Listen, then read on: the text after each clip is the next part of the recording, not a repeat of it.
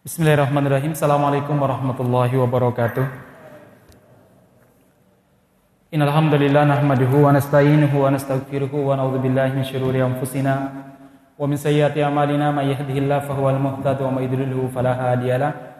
Asyhadu an la ilaha illallah wa asyhadu anna Muhammadan abduhu wa rasuluh. Allahumma salli wa sallim ala nabiyyina Muhammadin wa ala alihi wa ashabihi wa mawalah. Rabbi israh li sadri wa yassir li amri wa hlul 'uqdatam min lisani yafqahu qawli. Allahumma anfa'na bima 'allamtana wa 'allimna ma yanfa'una wa zidna ilman. Wa ba'd.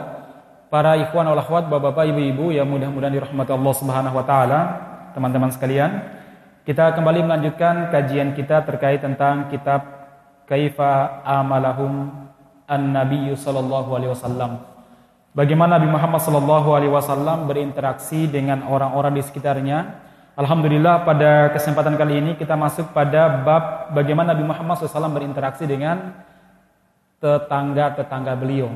Pada pertemuan yang lalu kita telah jelaskan bahwa Rasulullah Sallallahu Alaihi Wasallam pernah dinasihati oleh Jibril alaihissalam untuk terus berbuat baik kepada tetangganya sampai-sampai Rasulullah Sallallahu Alaihi Wasallam mengira bahwa tetangganya itu akan menjadi ahli waris kalau seandainya tetangganya lain meninggal ya.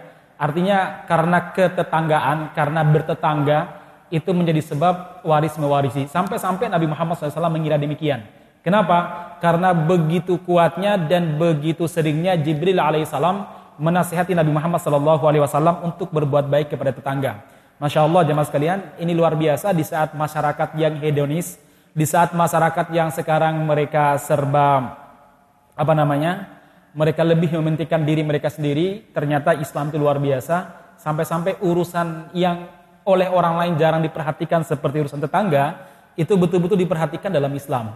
Ini membuktikan apa jamaah sekalian? Membuktikan kesempurnaan Islam. Dan Islam itu memang sebuah keyakinan, sebuah aturan hidup yang layak untuk jadi pegangan bagi manusia kalau mereka betul-betul menghendaki kebaikan baik kebaikan dalam kehidupan dunia, kehidupan berkeluarga, kehidupan bermasyarakat maupun kehidupan uh, di akhirat kelak. Baik, sekarang kita masuk pada masih masalah urusan tetangga.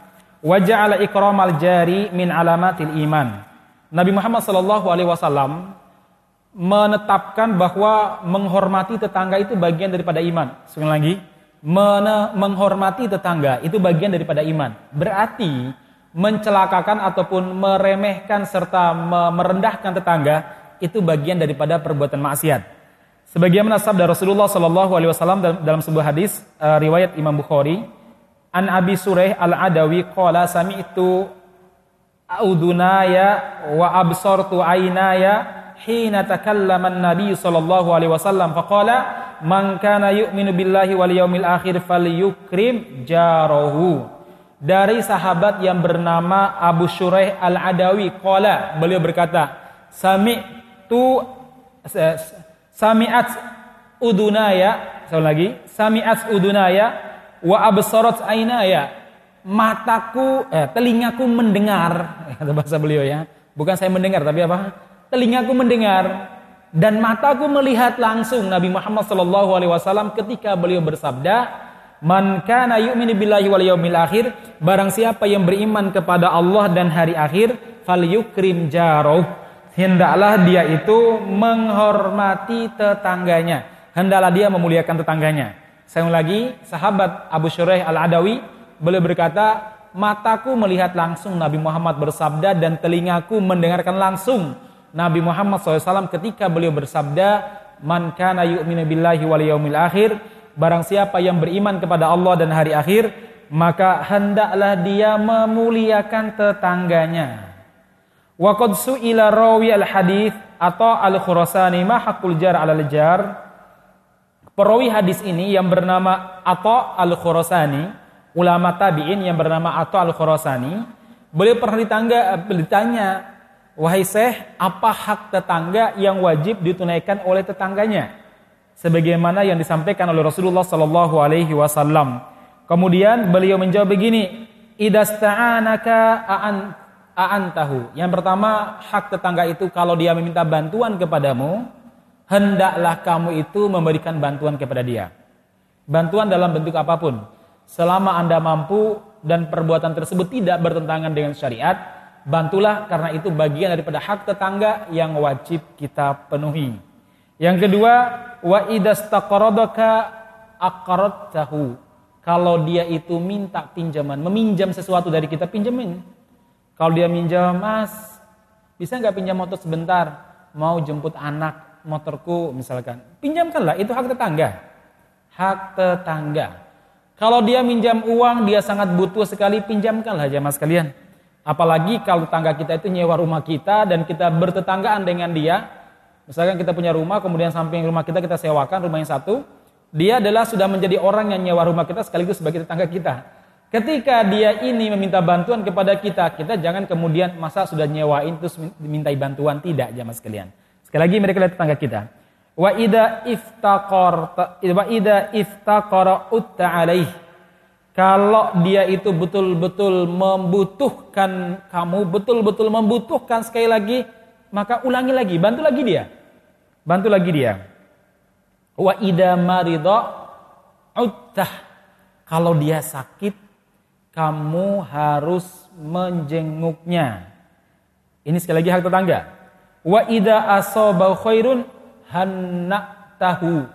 Kalau dia mendapatkan kebahagiaan, dia mendapat kesenangan, cucunya lahir, atau mungkin anaknya nikah, atau mungkin anaknya lulus kuliah, hendak tahu. Kamu punya kewajiban untuk me, apa namanya mengucapkan congratulations apa istilahnya? Selamat, mengucapkan selamat. Anda menampang kebahagiaan. Jadi libatkan dirimu dalam kebahagiaan dia. Jangan sampai tetangga kita bahagia, kita sedih. Ya. Tetangga kita senang, kita senap. Ya, jangan aja mas kalian ya. Tapi begitu mereka bahagia, tampakkan kebahagiaan dan menampakkan kebahagiaan kepada orang lain itu bagian daripada sunnah Nabi Muhammad SAW. Jadi kalau ada orang bahagia, kita juga ikut bahagia. Itu bagian daripada sunnah Rasulullah SAW. Nabi Muhammad SAW sering mengucapkan selamat kepada para sahabat yang mendapatkan kebaikan-kebaikan.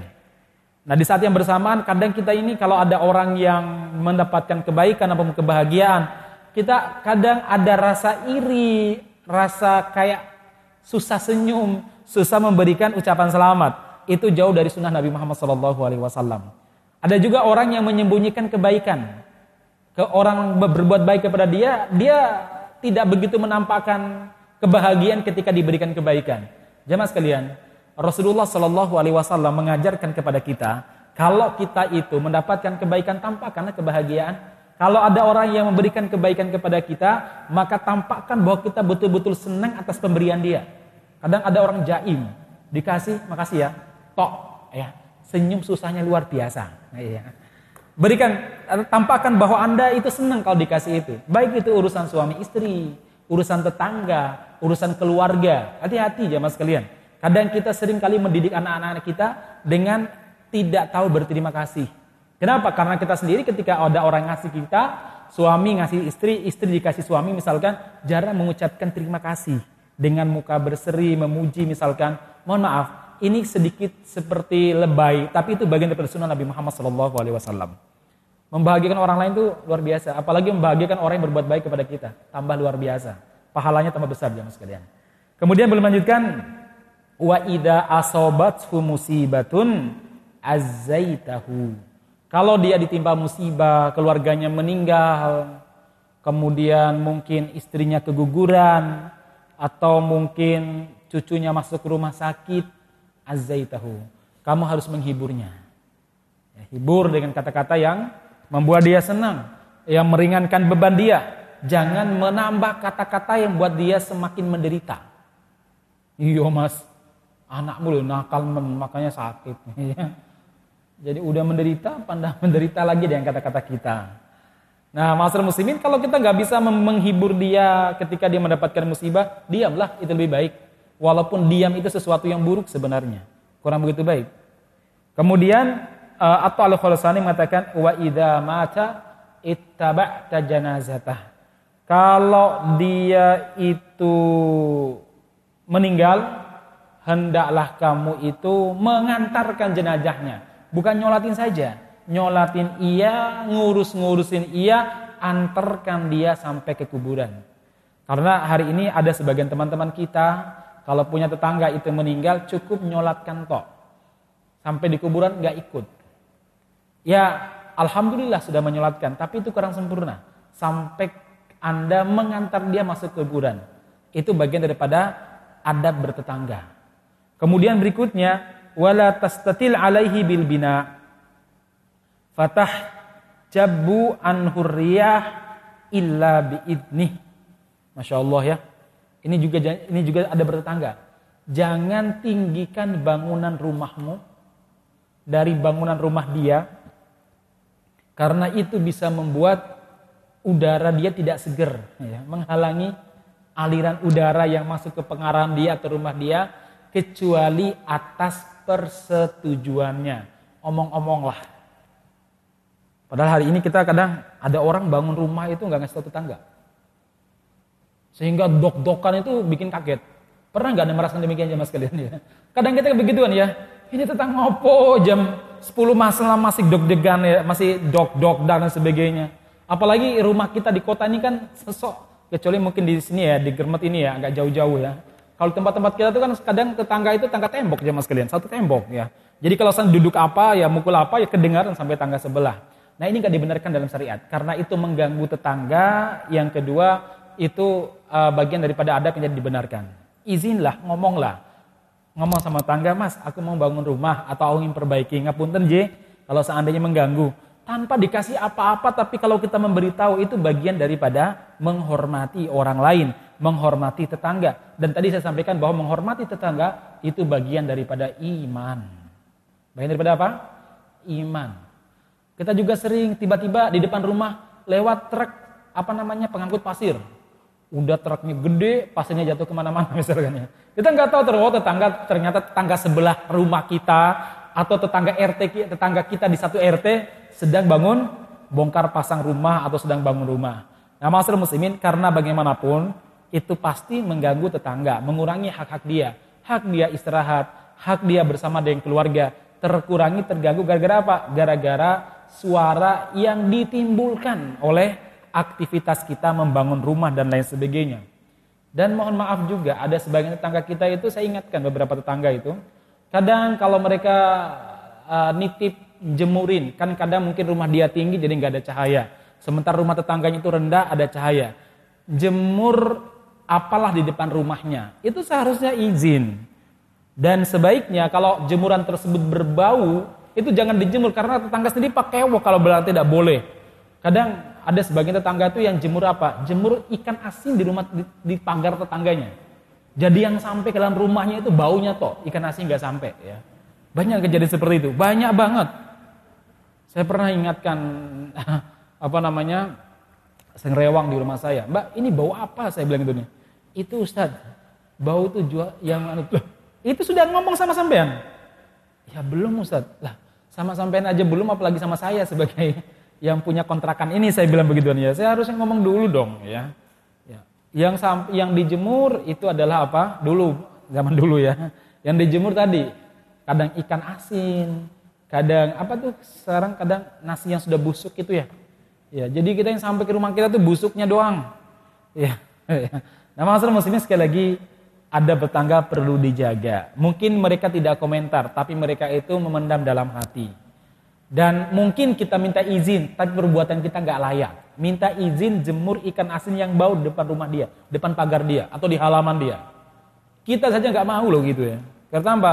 Karena angin tuh masuk dalam rumah kita, apalagi mungkin rumah kita itu pengap, rumah kita kecil, ruangannya juga kecil-kecil, bangunannya pendek, sehingga sirkulasi udara itu sangat lama sekali. Sehingga bau itu bisa mengendap sampai ke kamar tidur. Masalah muslimin yang mudah-mudahan dirahmati subhanahu wa ta'ala, ini uh, beliau menjelaskan. Kemudian wala tu'dihi biqitari qadrika illa anta tagharafalahu minha. Ya. Uh, kamu tidak boleh menyiksa dia ataupun menyakiti dia karena masakan yang kamu masak. Maksudnya gimana sih menyakiti tetangga dengan yang dengan masakan kita? Misalnya kita masak, aromanya sampai tetangga. Yang sampai apanya? Aromanya saja. Iya. Tapi isinya, rasanya kayak apa, tetangga gak merasakannya. Kita meyakininya. Nah, kecuali kita ambil itu sebagian, kita berikan kepada dia. Bolehlah jamaah sekalian. Nah, maksud muslimin, wa inishtaroita fakihatan fahdilahu.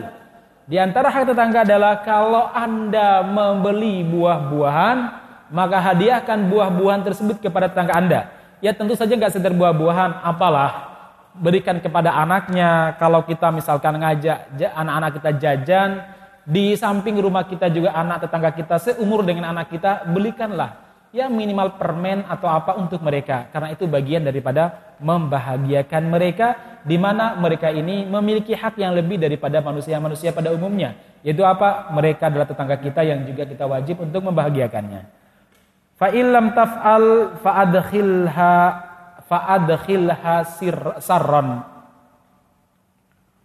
kalau kamu tidak bisa berbuat-berbuat kebaikan tadi, kamu membantu dia, kamu menghadiahkan apa yang kamu beli kepada dia, kamu memberikan makanan yang kamu masak untuk dia. Kalau kita nggak bisa, mungkin kita aja kekurangan karena mungkin kita punya tamu, karena kita ingin menghormati tamu, kita aja nggak makan, misalkan nggak cukup, maka yang kamu lakukan minimal buat dia bahagia, jangan buat dia sedih. Ya masukkan rasa senang dalam hati dia. Wala yakhruj biha waladaka liyaghidha biha waladahu.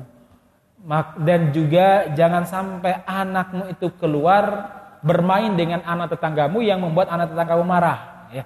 jangan kamu sengaja ngeluarin anak kamu suruh jahilin anak tetangga kamu. Itu bagian daripada perbuatan yang diharamkan dalam syariat Masalah muslimin yang mudah-mudahan dirahmati Allah Subhanahu wa taala luar biasa dari penjelasan apa namanya dari penjelasan uh, beliau ini atau Al Khurasani terkait dengan hak-hak tetangga yang wajib kita penuhi. Ternyata Islam tuh betul-betul sangat peduli dengan hal-hal seperti ini. Jadi kalau berpikir bagaimana supaya menjadi orang yang baik, jadilah Muslim. Ya. Bagaimana menjadi tetangga yang baik, jadilah Muslim yang baik. Karena Muslim itu mengajarkan kepada kita bagaimana menjadi tetangga yang baik. Bagaimana agar kita menjadi suami yang baik? Jadilah orang yang beriman karena orang beriman itu mengajarkan bagaimana jadi bagaimana menjadi suami yang baik. Bagaimana menjadi ayah yang baik, kakek yang baik, ibu yang baik? Jadilah seorang mukmin dan mukminah. Karena pada hakikatnya seorang mukmin itu diajarkan bagaimana menjadi suami yang baik, istri yang baik, menjadi apa? guru yang baik, menjadi saudara yang baik bagi saudaranya. Itulah seorang mukmin jamaah sekalian. Kemudian saudara sekalian yang mudah-mudahan dirahmati Allah Subhanahu wa taala, Selanjutnya di sini disebutkan fahifdul jari min kamalil iman wa kana ahlul jahiliyati yuhafiduna alaih wa yahsulu imtithalil wasiyata bihi bi isali durubil ihsan ilahi bi taqah kal hadiyah was salam wa talaqatil wajhi inda liqaihi wa tafaqqudi halihi wa muawanatuhu fi ma yahtaju ilaihi dan lain sebagainya. Beliau menjelaskan begini. Dari hadis ini dan dari penjelasan para ulama disimpulkan bahwa menjaga hak-hak tetangga itu bagian daripada kesempurnaan iman. Ternyata jamaah sekalian kalau kita kalau kita merenungkan uh, sebenarnya di masyarakat-masyarakat tradisional walaupun mereka belum pernah belajar Islam, yang namanya hak-hak bertetangga itu betul-betul mereka perhati mereka perhatikan. Maka Islam melanjutkan tradisi baik tersebut jadi orang-orang jahiliyah bien pada zaman sebelum Nabi Muhammad diangkat sebagai nabi, sudah biasa mereka ini berbuat baik sama tetangga mereka, berbagi dengan tetangga mereka, memberi hadiah kepada tetangga mereka, menyapa, menanyakan kondisinya, menanyakan kondisi anaknya. Itu sudah biasa zaman sekalian. Nah, Islam melanjutkan tradisi tersebut. Jadi tidak semua tradisi-tradisi jahiliyah dari orang-orang Arab jahiliyah dihapus dalam Islam. Kalau itu baik dilanjutkan oleh Islam, ya Mas kalian. Ya, kalau itu baik dilanjutkan oleh Islam. Masyarakat muslimin yang mudah-mudahan dirahmati Allah Subhanahu wa taala banyak kok tradisi-tradisi orang-orang jahiliyah. Kalau saya bilang jahiliyah itu bukan berarti bodoh semua atau buruk semua enggak. Jahiliyah itu maksudnya masa di mana Islam belum menerangi dunia Arab. Maka mungkin ada tradisi-tradisi mereka ini yang baik dan Islam pun melanjutkan tradisi tersebut, tidak mengharamkannya. Jadi Islam itu sangat apa namanya? sangat welcome dengan budaya dan tradisi selama tidak merugikan manusia. Sangat welcome.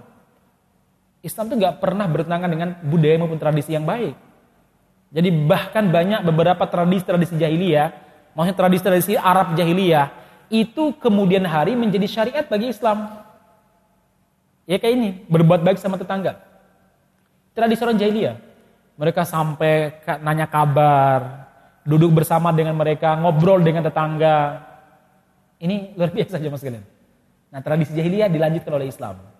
Maka disebutkan di antara tradisi jahiliyah adalah apa satu? Dulu orang-orang jahiliyah itu senang sekali berbagi hadiah kepada tetangganya. Senang sekali berbagi hadiah kepada tetangganya. Nah Islam pun datang dan mengikrarkan ini bagian daripada syariat. Bagian daripada syariat Islam.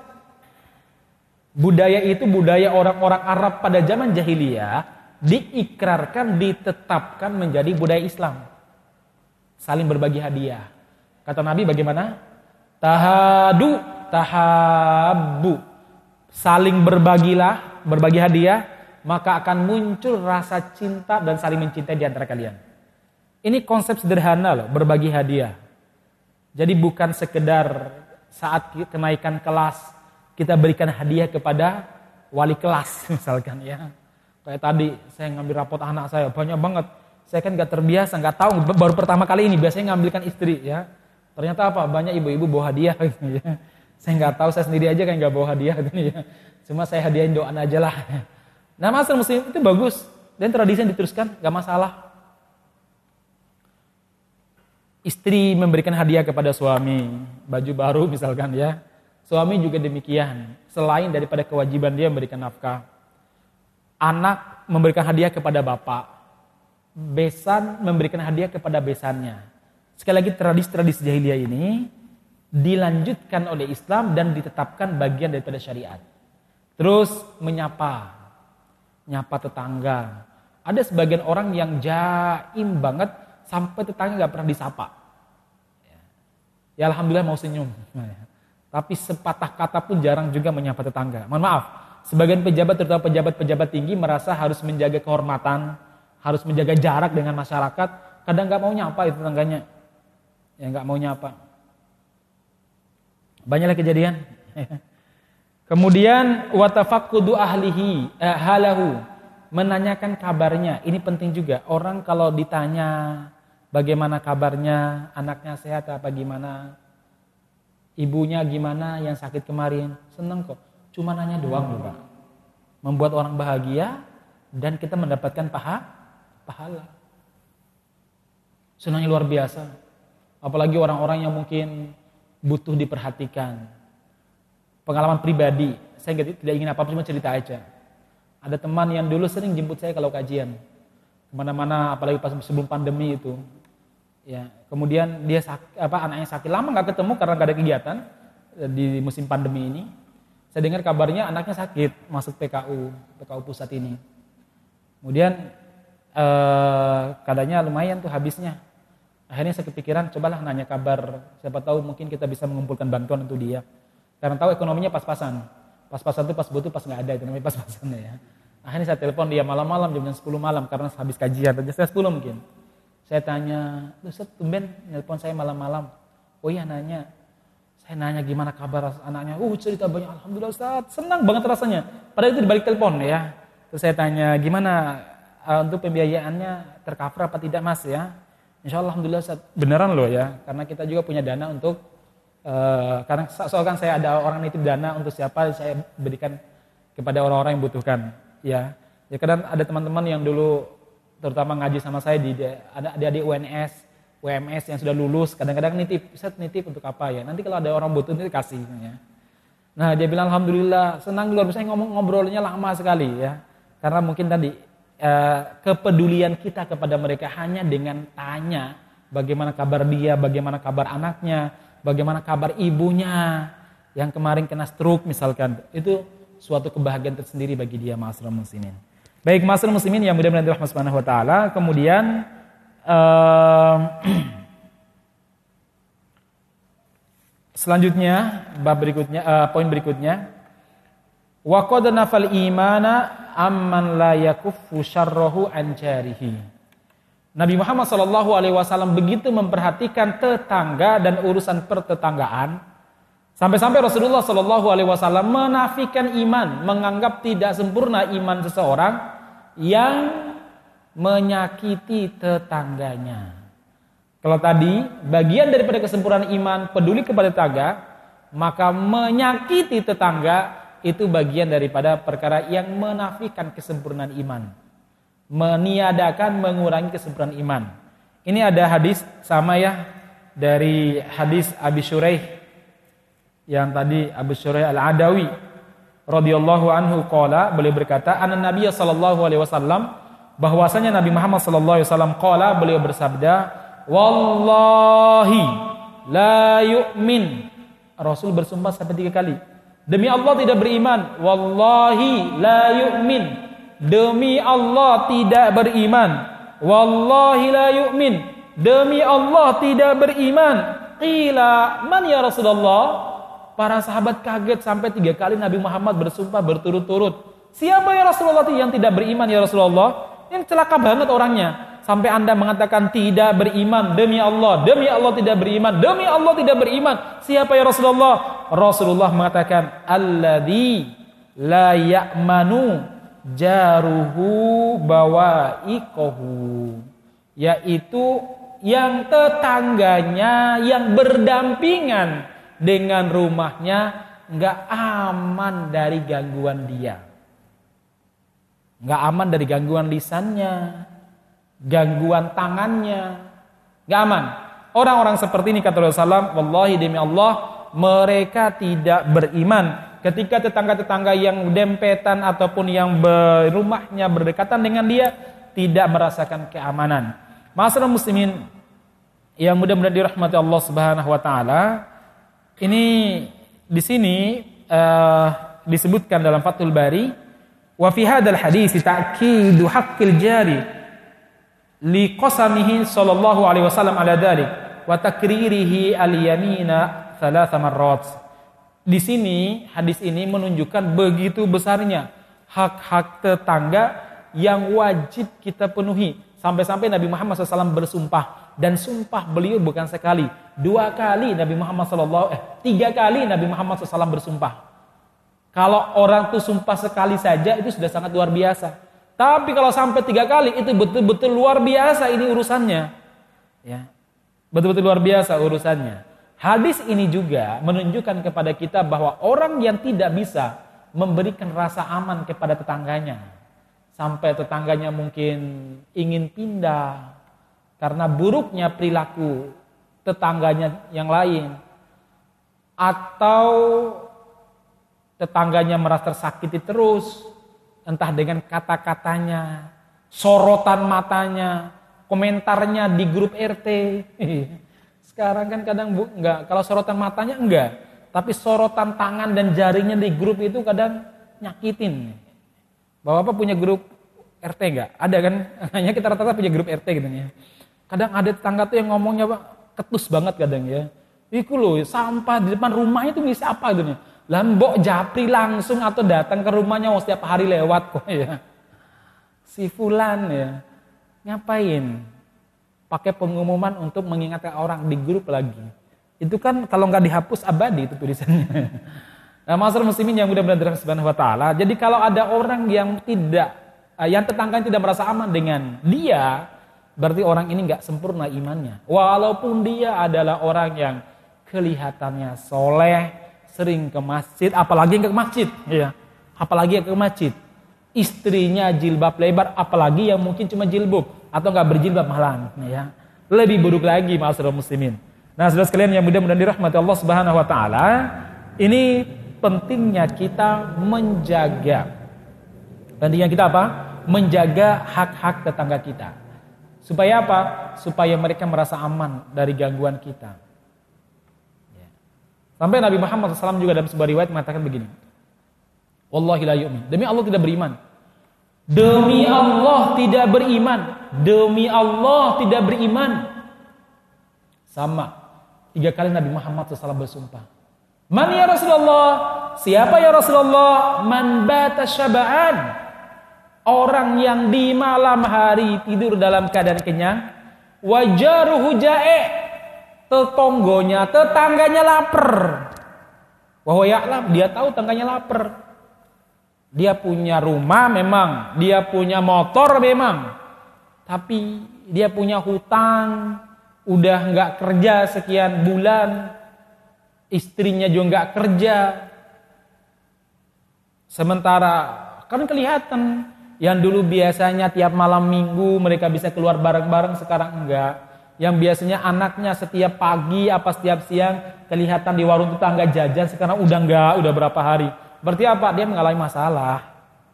Kalau kita merasa aman-aman dan nyaman-nyaman saja, bahkan kenyang-kenyang di malam hari, kita bisa berangkat bersama keluarga, naik mobil atau naik motor, kemudian kita nyiras di mana, makan, pulang tanpa peduli dengan mereka. Rasul mengatakan, Wallahi la yu'min. Demi Allah orang seperti ini tidak beriman, kata Nabi. Maksudnya gimana Ustaz? Bukan berarti kafir. Tapi maksudnya kesempurnaan imannya hilang. Karena iman itu ada tingkat-tingkatan. Yang pertama tingkatan paling dasar namanya aslul iman. Pokok iman ini kudu ada. Harus ada dalam orang. Kalau nggak ada kafir itu orang. Harus ada usul iman itu. Tingkatan kedua namanya iman wajib. Iman wajib itu kayak sholat, puasa ya. Tingkatan yang ketiga namanya apa? Imanun kamil. Imanun uh, al-iman al-kamil atau al-iman al-mustahab. Kesempurnaan iman. Sempurnanya iman. Jadi iman tuh ada yang pokok, ada yang wajib, ada yang sempurna, menyempurnakan. Jadi kalau nggak ada nggak masalah sebenarnya. Tapi kalau ada, maka imannya semakin sempurna. Nah, yang dinafikan oleh Rasulullah SAW, la yu'min, tidak beriman adalah bisa iman wajib, bisa iman mustahab, iman sempurna. Artinya apa? Dia melakukan sesuatu yang haram. Maksudnya imannya berkurang. Bukan berarti dia kafir. Imannya berkurang. Karena dia tidak peduli kepada tetangganya. Baik, masalah muslimin yang mudah-mudahan dirahmati Subhanahu wa taala. Bahkan dalam beberapa hadis Nabi Muhammad Shallallahu Alaihi Wasallam menyatakan bahwa orang yang tidak peduli dengan urusan tetangga, orang yang e, menyakiti tetangganya diharamkan baginya masuk surga. Set, kalau menyakiti orang lain gimana? Ya sama sebenarnya ya. Cuma tetangga itu punya hak lebih besar. Apalagi menyakiti para ulama hati-hati ya. Menyakiti wali Allah itu mengerikan hukumannya zaman sekalian dibuat berbagai macam tuduhan. Saya yakin, hakol yakin, walaupun saya berbeda dengan beliau Habib Rizik Sihab dalam beberapa furu'ul akidah, beberapa bab-bab akidah dan bab ibadah, tapi saya yakin beliau adalah wali Allah insya Allah.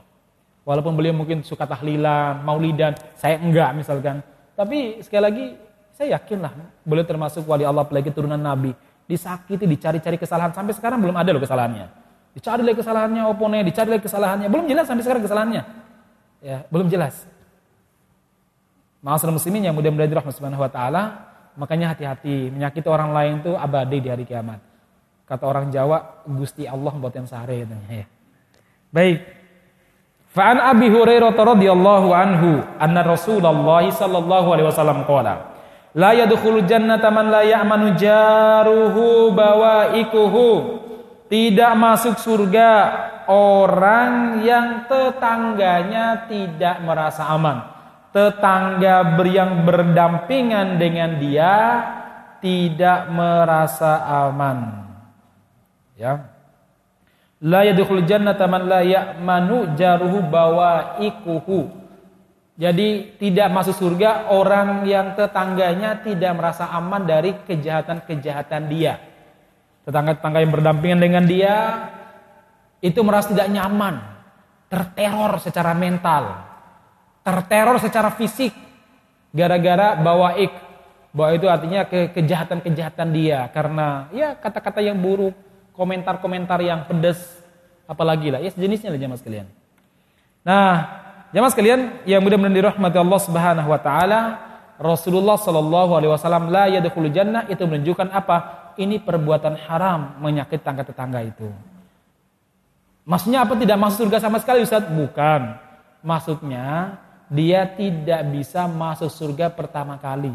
Jadi dia dibersihkan dulu dosa-dosanya di neraka. Kecuali kalau dia punya kebaikan lebih atau kalau dia meminta maaf kepada tangganya atau nanti di hari kiamat mereka saling memaaf-maafin.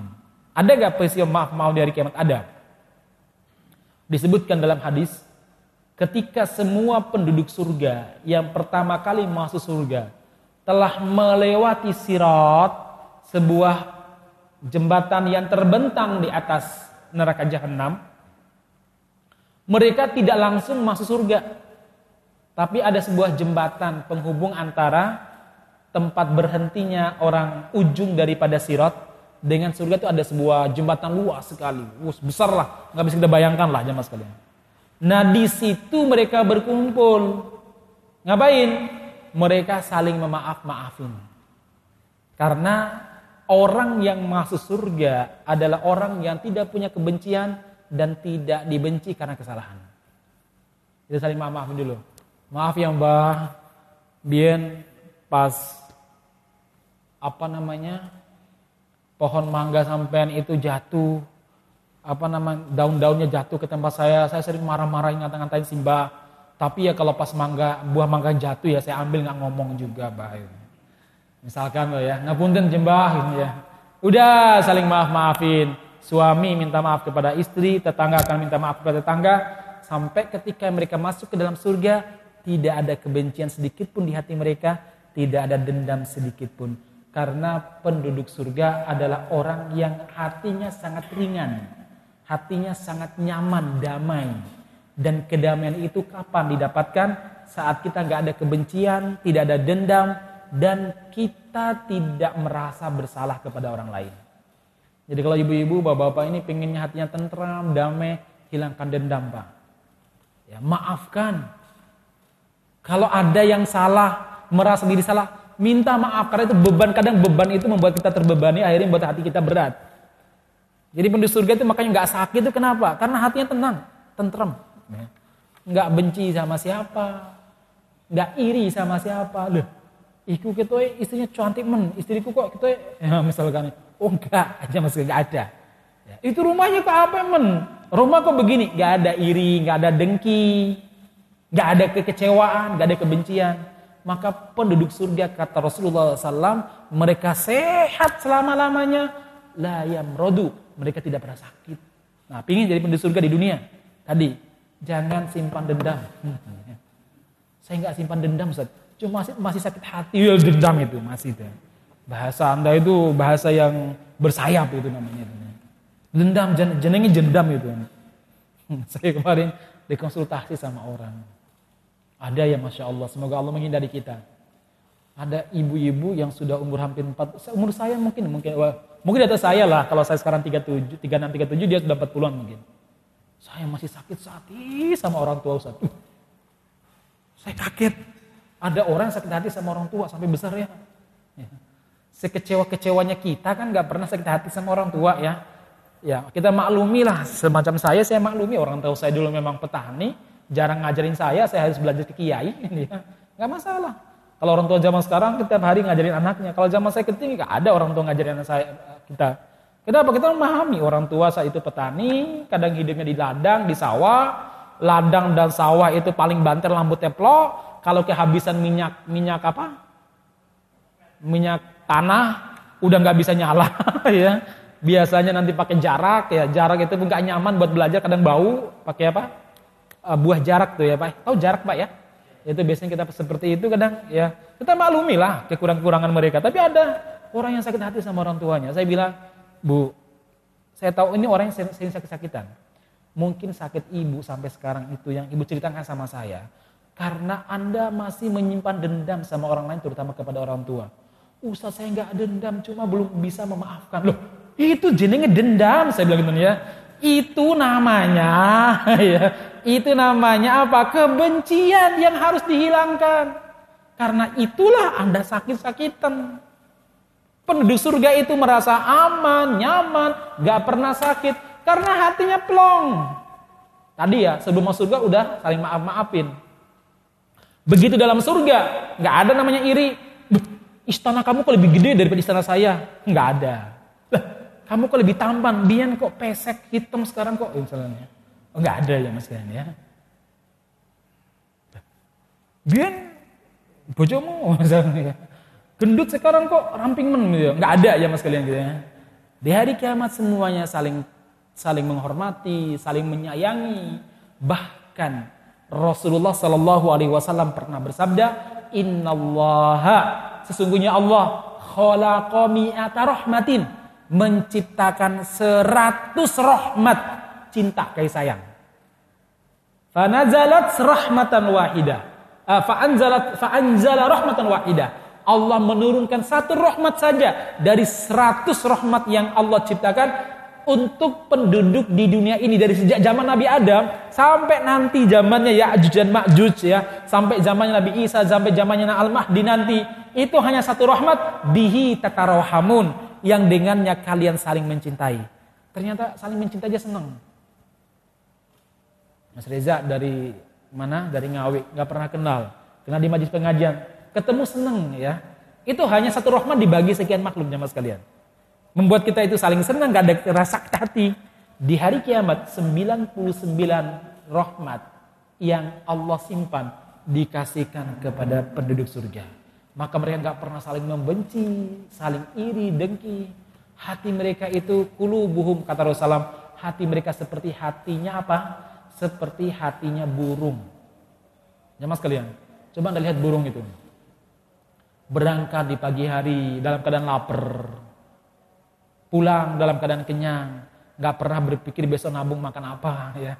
Yakin terhadap janji Allah, tenang, tentram. Ya kan? Ya. Kalau memang rezeki dia adalah tumbuh-tumbuhan, maka dia makan tumbuh-tumbuhan. Gak mungkin burung itu pergi menyelam untuk mengambil ikan paus itu nggak pernah ada. Ya. Serakah itu namanya jemaah sekalian. Tahu diri. Jadi hati mereka seperti tenang, yakin dengan janji Allah. Kalau kita kan kadang jelas masih ada tabungan sekian puluh bahkan sekian ratus juta. Itu aja masih was-was. Burung tuh nggak pernah tabungan loh pak, nggak ada tabungan. Pulang ya bawa makanan untuk malam itu, besok pagi udah lapar meneh. Ya, nggak pernah pikir besok nek aku sakit, sayapku sakit, tapi cara mangan yo, enggak. Ya. Ngasih kasih, makan makan, hidup hidup. Ya. Baik mas muslimin, itulah seorang mukmin. Ya, makanya wajar kalau orang-orang di surga nanti itu nggak pernah sakit, nggak pernah mereka ini marah-marah, nggak ada rumah sakit di surga. Anda jangan tanya Ustaz, fasilitas rumah sakit di surga nanti kayak apa Ustaz? Jangan tanya itu ya. Oh nggak pernah sakit kok tanya fasilitas rumah sakit. Ya. Kenapa? Hatinya yang tenang. Hatinya yang tentram, jiwanya yang adem. Nah, masalah muslimin yang mudah-mudahan dirahmati Subhanahu wa taala, di antara penyebab yang membuat kita sakit hati adalah apa? Ketika urusan tetangga tidak terselesaikan dengan baik. Minjem sama tetangga nggak dikembalikan bertahun-tahun nggak dikembalikan. Mau ketemu ya piye, mau ngobrol ya sungkan. Kita yang minjemin juga mau negur, ya bukan negur, mau nyapa aja takut dia malu ya. Iya enggak pak? Gitu nggak sampai nego? Merasa gitu gak ya? Saya kan kadang merasa gitu, ada orang minjam, jadi nggak banyak-banyak sih, paling 200 ribu, 500 ribu. Ada sih yang minjam satu juta sebagainya. Tapi udah dulu-dulu kan ya. Ya, kadang kalau kita mau apa namanya sapa, aduh takut-takut dikira kita nak naki. Jadi pengen naki juga sebenarnya. ya, ya. Ya, sama mungkin perasaan dia kalau seandainya dia nyapa kita, khawatir kita naki misalkan ya nggak nyaman. Makanya apa? Buatlah tetangga kita nyaman. Kalau dia itu berhutang sama kita, kalau dia hutangnya kecil-kecil, misalkan, udah nggak usah bayarlah. Tapi jangan sampai kemudian dia terbiasa berhutang. Karena ada sebagian tetangga itu kalau terbiasa kita hutangin, masalah sekecil apa pun minta hutang. Ya, kan begitu. Memang karakter jadi penghutang itu berat. Nabi Muhammad tuh mengingatkan pada kita jangan suka hu, hutang. Karena orang yang hutang tuh datang dengan wajah meles. Ya, tapi kalau ditagih dengan wajah yang bayarnya dengan malas. Ya. Datang minta dengan memelas, kalau ditagih dengan muka yang malas. Ya. Karena begitu. Dan hutang piutang itu betul-betul sangat sangat diperhatikan dalam Islam. Karena itu sekali lagi membuat sering kali loh, sering kali membuat urusan kita dengan orang lain itu bermasalah gara-gara masalah hutang-hutang kecil misalkan.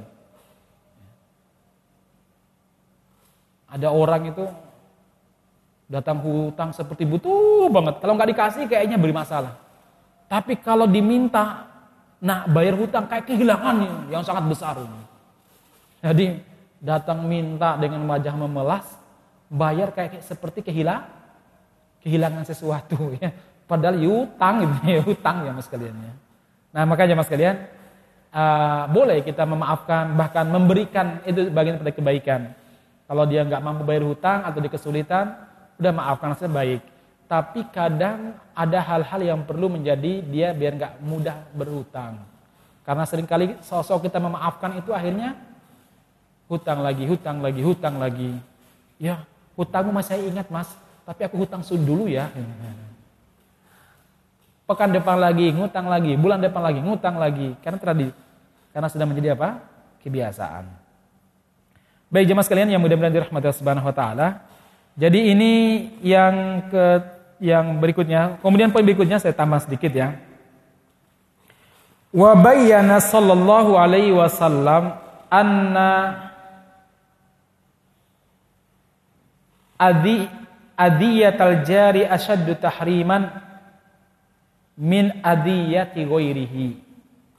Nabi Muhammad sallallahu alaihi wasallam menjelaskan bahwa menyakiti tetangga jauh lebih dahsyat dosanya berlipat laknat Allah kepadanya daripada menyakiti di selain tetangga. Apa dalilnya? Fa'anil Miqdad bin Aswadi radhiyallahu anhu anna Rasulullah SAW qala li ashabi dari sahabat Al-Miqdad ibn Aswad radhiyallahu anhu semoga Allah meridhoi beliau anna Rasulullah sallallahu alaihi wasallam qala ashabi bahwasanya Nabi Muhammad sallallahu alaihi wasallam berkata kepada para sahabatnya beliau bertanya mata kuruna fi zina bagaimana pendapat kalian tentang perbuatan zina qalu harramahullahu wa rasuluh fahuwa haramun ila yaumil qiyamah. Telah diharamkan oleh Allah, telah diharamkan oleh Rasulullah dan tetap haram sampai hari kiamat. Jawab para sahabat. Kemudian Rasulullah SAW mengatakan, la ayyazniya rajulu bi asyarati niswatin aisaru alaihi min ayyazniya bimraati jarihi.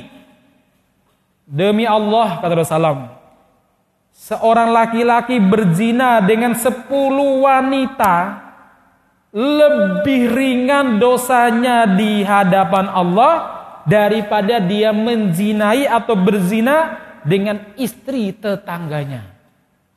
Hati-hati, rumput tetangga lebih hijau. Bukan lebih hijau, lebih muda, lebih menarik, lebih cantik ya. Cuma Ya tentu tetangga juga harus jaga tetangganya dong.